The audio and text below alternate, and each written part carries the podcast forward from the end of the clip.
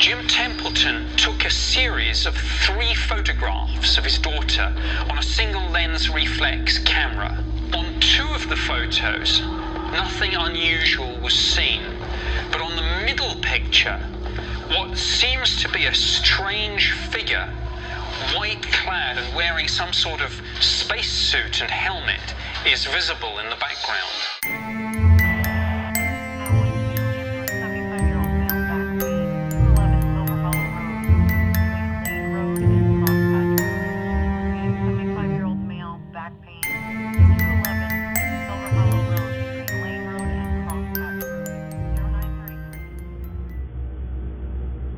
Foton som sägs visa övernaturliga fenomen och utomjordiska varelser brukar vara suddiga, mörka och så otydliga att man inte ser vad de föreställer. Alternativt uppenbart fejkade. Jim Templetons bild är annorlunda. Det här är ett vackert foto som man aldrig glömmer om man en gång sett det.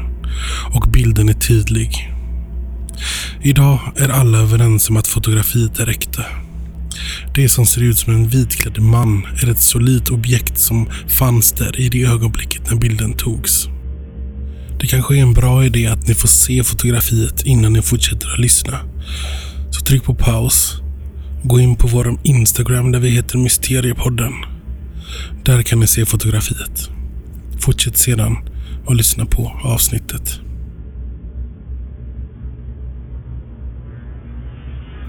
Det är den 23 maj 1964. Jim Templeton, brandman i brittiska Carlisle, tar med familjen på en utflykt till heden Birch Marsh. Förutom två äldre damer som sitter i en parkerad bil nära den heden så ser de inga andra människor på den dagen. Templeton och hans fru reagerar på att luften känns tryckande och liksom elektriskt laddad, som precis innan ett åskväder. Men det här är en sällsynt vacker dag. Det är inget oväder på kommande. Djuren på heden beter sig konstigt också. Korna och fåren som betar där trycker sig tätt ihop och verkar skärrade. Som om de känner av någon osynlig fara. Men familjen skakar snabbt av sig obehagskänslorna. Solen skiner och heden blommar. Jim Templeton, som är en ivrig amatörfotograf, knäpper tre kort på dottern Elisabeth, fem år. Hon poserar, stolt över sin nya fina klänning och med en bukett nyplockade vårblommor i handen. När Jim Templeton senare hämtade ut sina fotografier hos den lokala fotohandlaren säger damen bakom disken något mycket märkligt. Synd att den bästa bilden på Elisabeth blev förstörd av mannen i rymddräkten, sa kvinnan. Templeton förstår ingenting och tror att kvinnan skämtar. Men när han tittar på sina bilder får han en chock. Den första och tredje bilden på Elisabeth är det inga konstigheter med. Men på mittenbilden står en man som ser ut som en astronaut i vit rymddräkt bakom dotterns huvud. Templeton och hans fru är helt säkra på att de inte såg någon annan människa på heden under hela den dagen. De tre bilderna på Elisabeth togs i rask följd. Hur mannen i vitt kunnat dyka upp mitt på bittenbilden för att sedan försvinna igen utan att familjen Templeton märkt någonting. Ja, det är mycket märkligt. Och detta mitt ute på en hed med milsvid utsikt åt alla håll. Templeton går till polisen som är lika förbryllade dem. Inte nog med att den mystiska mannen står där. Han står dessutom i en sned vinkel som gör att han ser ut att sväva i luften snarare än att stå på marken bakom flickan. Både kriminalpolisens undersökningslaboratorium i Penrith och filmtillverkaren Kodaks eget labb tar sig an filmen. De kan bara konstatera att det man ser på fotot fanns där när bilden togs. Det är ingen dubbelexponering. Det syns bland annat på området där flickans hår och den vitkläddes kropp möts. Polisen konstaterar att det måste vara en naturens nyck och lägger ner ärendet. Men intresset för det här mystiska fotografiet har levt vidare. Senare på sommaren 1964 får Jim Templeton påhälsning av två män i mörka kostymer som låter förstå att de kommer från någon regeringsorgan som utreder den här typen av händelser. Det här är två klassiska Men in Black som vi känner dem från ufo-folkloren. De bär identiska svarta kostymer, kör en stor svart Jaguar som ser fabriksny ut och de tilltalar varandra med nummer istället för namn. De här männen vill se platsen där fotot togs. Väl där blir utfrågningen allt mera påstridig. Innan männen till slut bara går till sin bil och lämnar den frågande Jim Templeton strandsatt ute på heden. Han får gå en halv mil för att komma hem. Efter den här påhälsningen blir allt ännu mera bisarrt. Jim Templeton tar nya bilder av herden, Men dessa beslagtas av polisen redan hos fotohandlaren. Motivet till detta ska vara att liknande fenomen uppträtt vid en raketuppskjutning i Australien. Männen i svart, eller The Men in Black, och Australienspåret känns lite väl fantastiska. Kanske blev Jim Templeton uppslukad av mystiken. Men bilden på Elisabeth och astronauten är i all sin enkelhet väldigt fascinerande. Jim Templeton har aldrig försökt slå mynt av sitt foto och ännu idag har ingen kunnat förklara vad det föreställer. Vad tror du det är som syns bakom flickan på bilden? Som sagt, vi har publicerat bilden på våran Instagram där vi heter Mysteriepodden. Ja, det är ett stort mysterium det där med fotografiet. Den där astronauten bakom flickan där. Som på engelska heter The Solway Spaceman. Det har jäckat mig i många, många, många år. Jag har tänkt att ta upp det på podden i början av säsongen. Men jag har velat samla på mig lite mer information utav detta. Men eh, nu kom den. Vår nästa story ska ta oss till ett blodigt Helsingfors.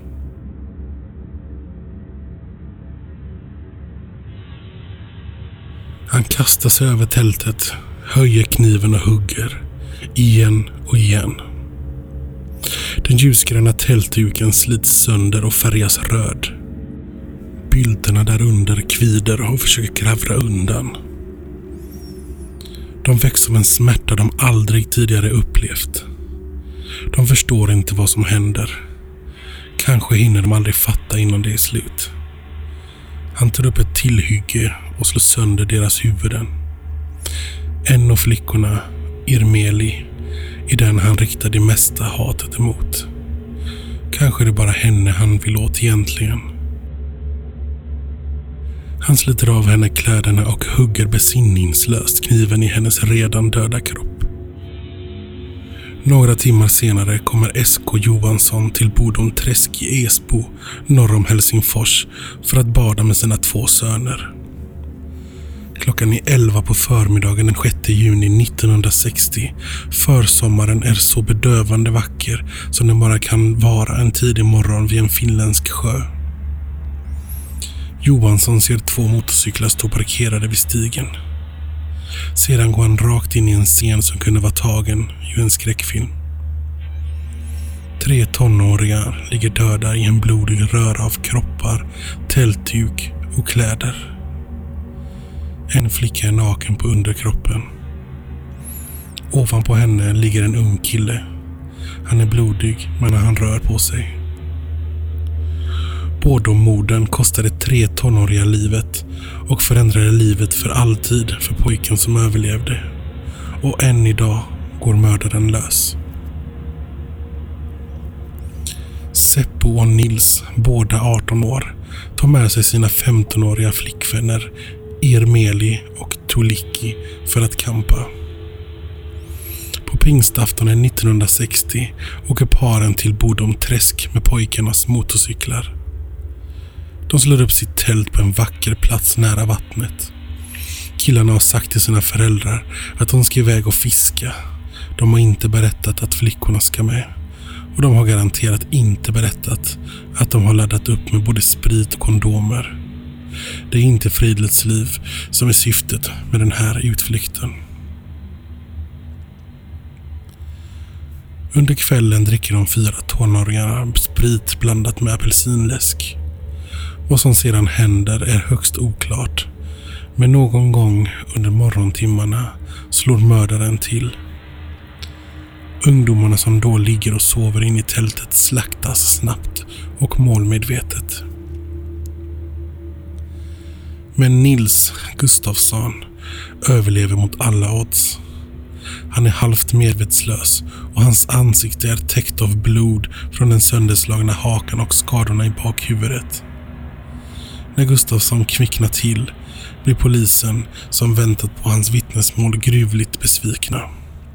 Han minns ingenting av det som hände under natten. Mördaren stjäl saker av ungdomarna, bland annat deras plånböcker och en del kläder. Det värdefullaste de har, motorcyklarna, får dock stå kvar. En del av kläderna och Nils Gustafssons skor hittas senare gömda i skogen en halv kilometer bort.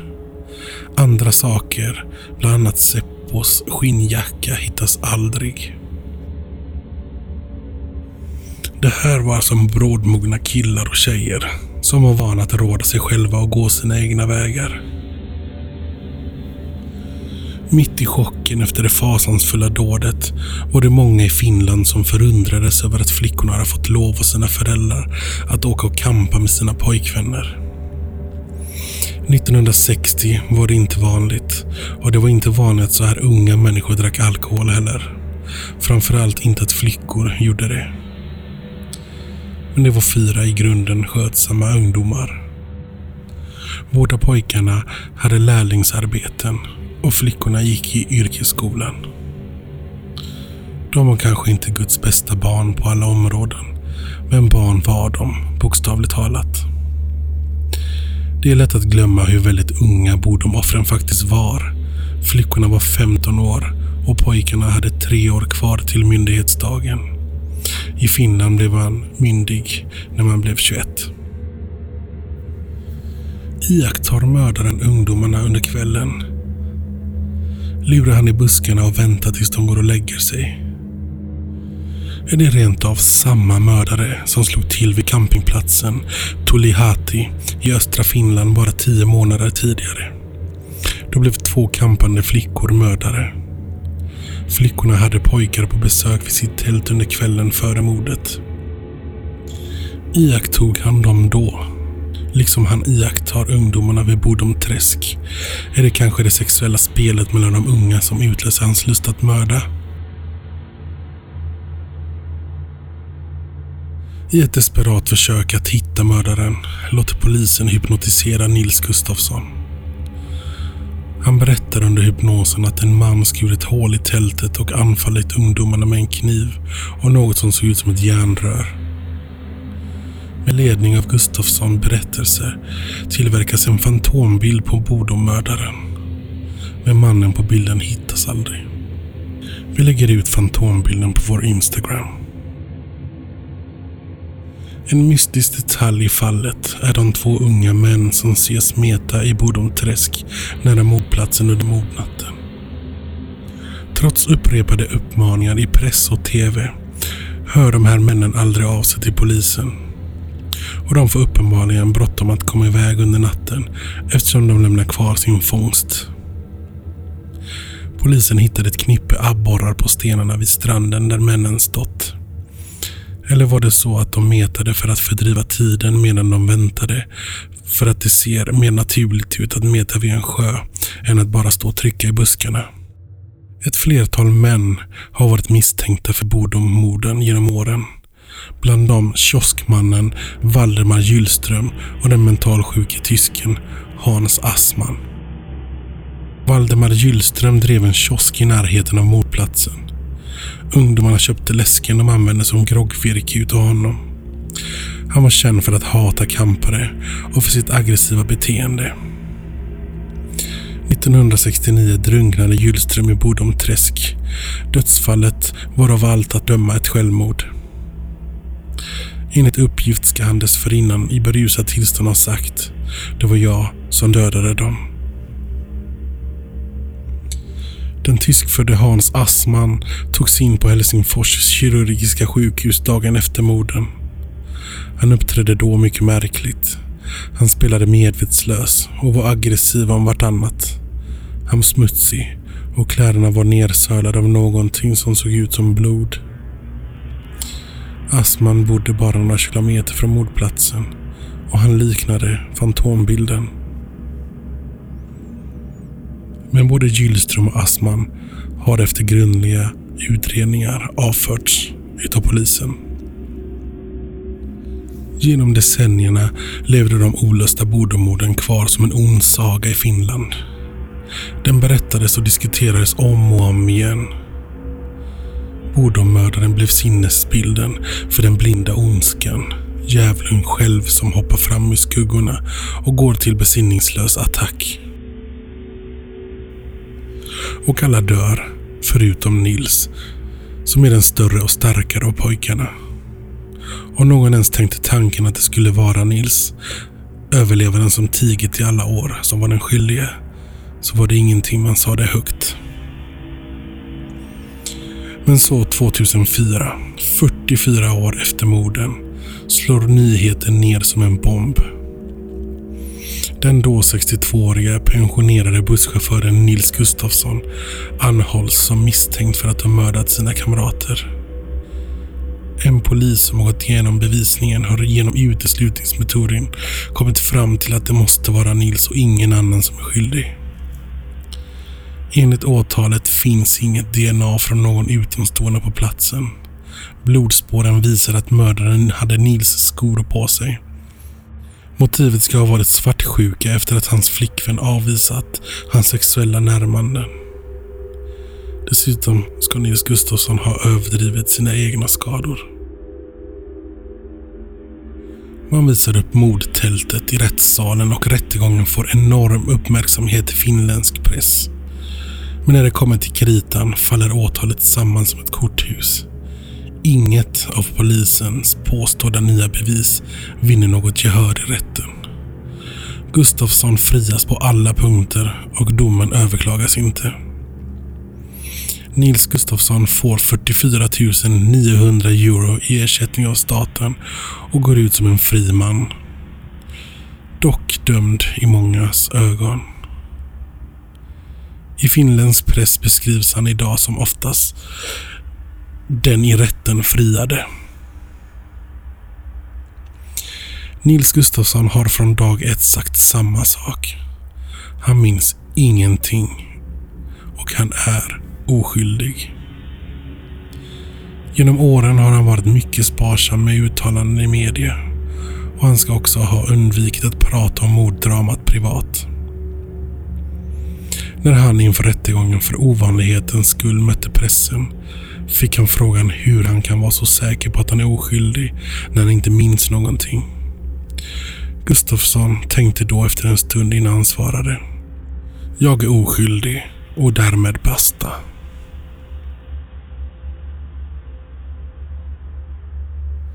Efter rättegången har han lovat att aldrig mer säga ett ord till pressen om detta. Gustafsson må tiga, men Finlands största kriminalmysterium lever vidare. Bland annat i en skepnad av de senaste decenniernas mest framgångsrika finländska band Children of Bodom från Esbo. Vad tror jag? Jo, jag har svårt att se att någon utomstående skulle vara skyldig. En utomstående gärningsman förutsätter att någon är tillräckligt galen för att ensam ge sig på ett sällskap på fyra, varav två starka unga män, men samtidigt sansad nog för att undgå att åka fast.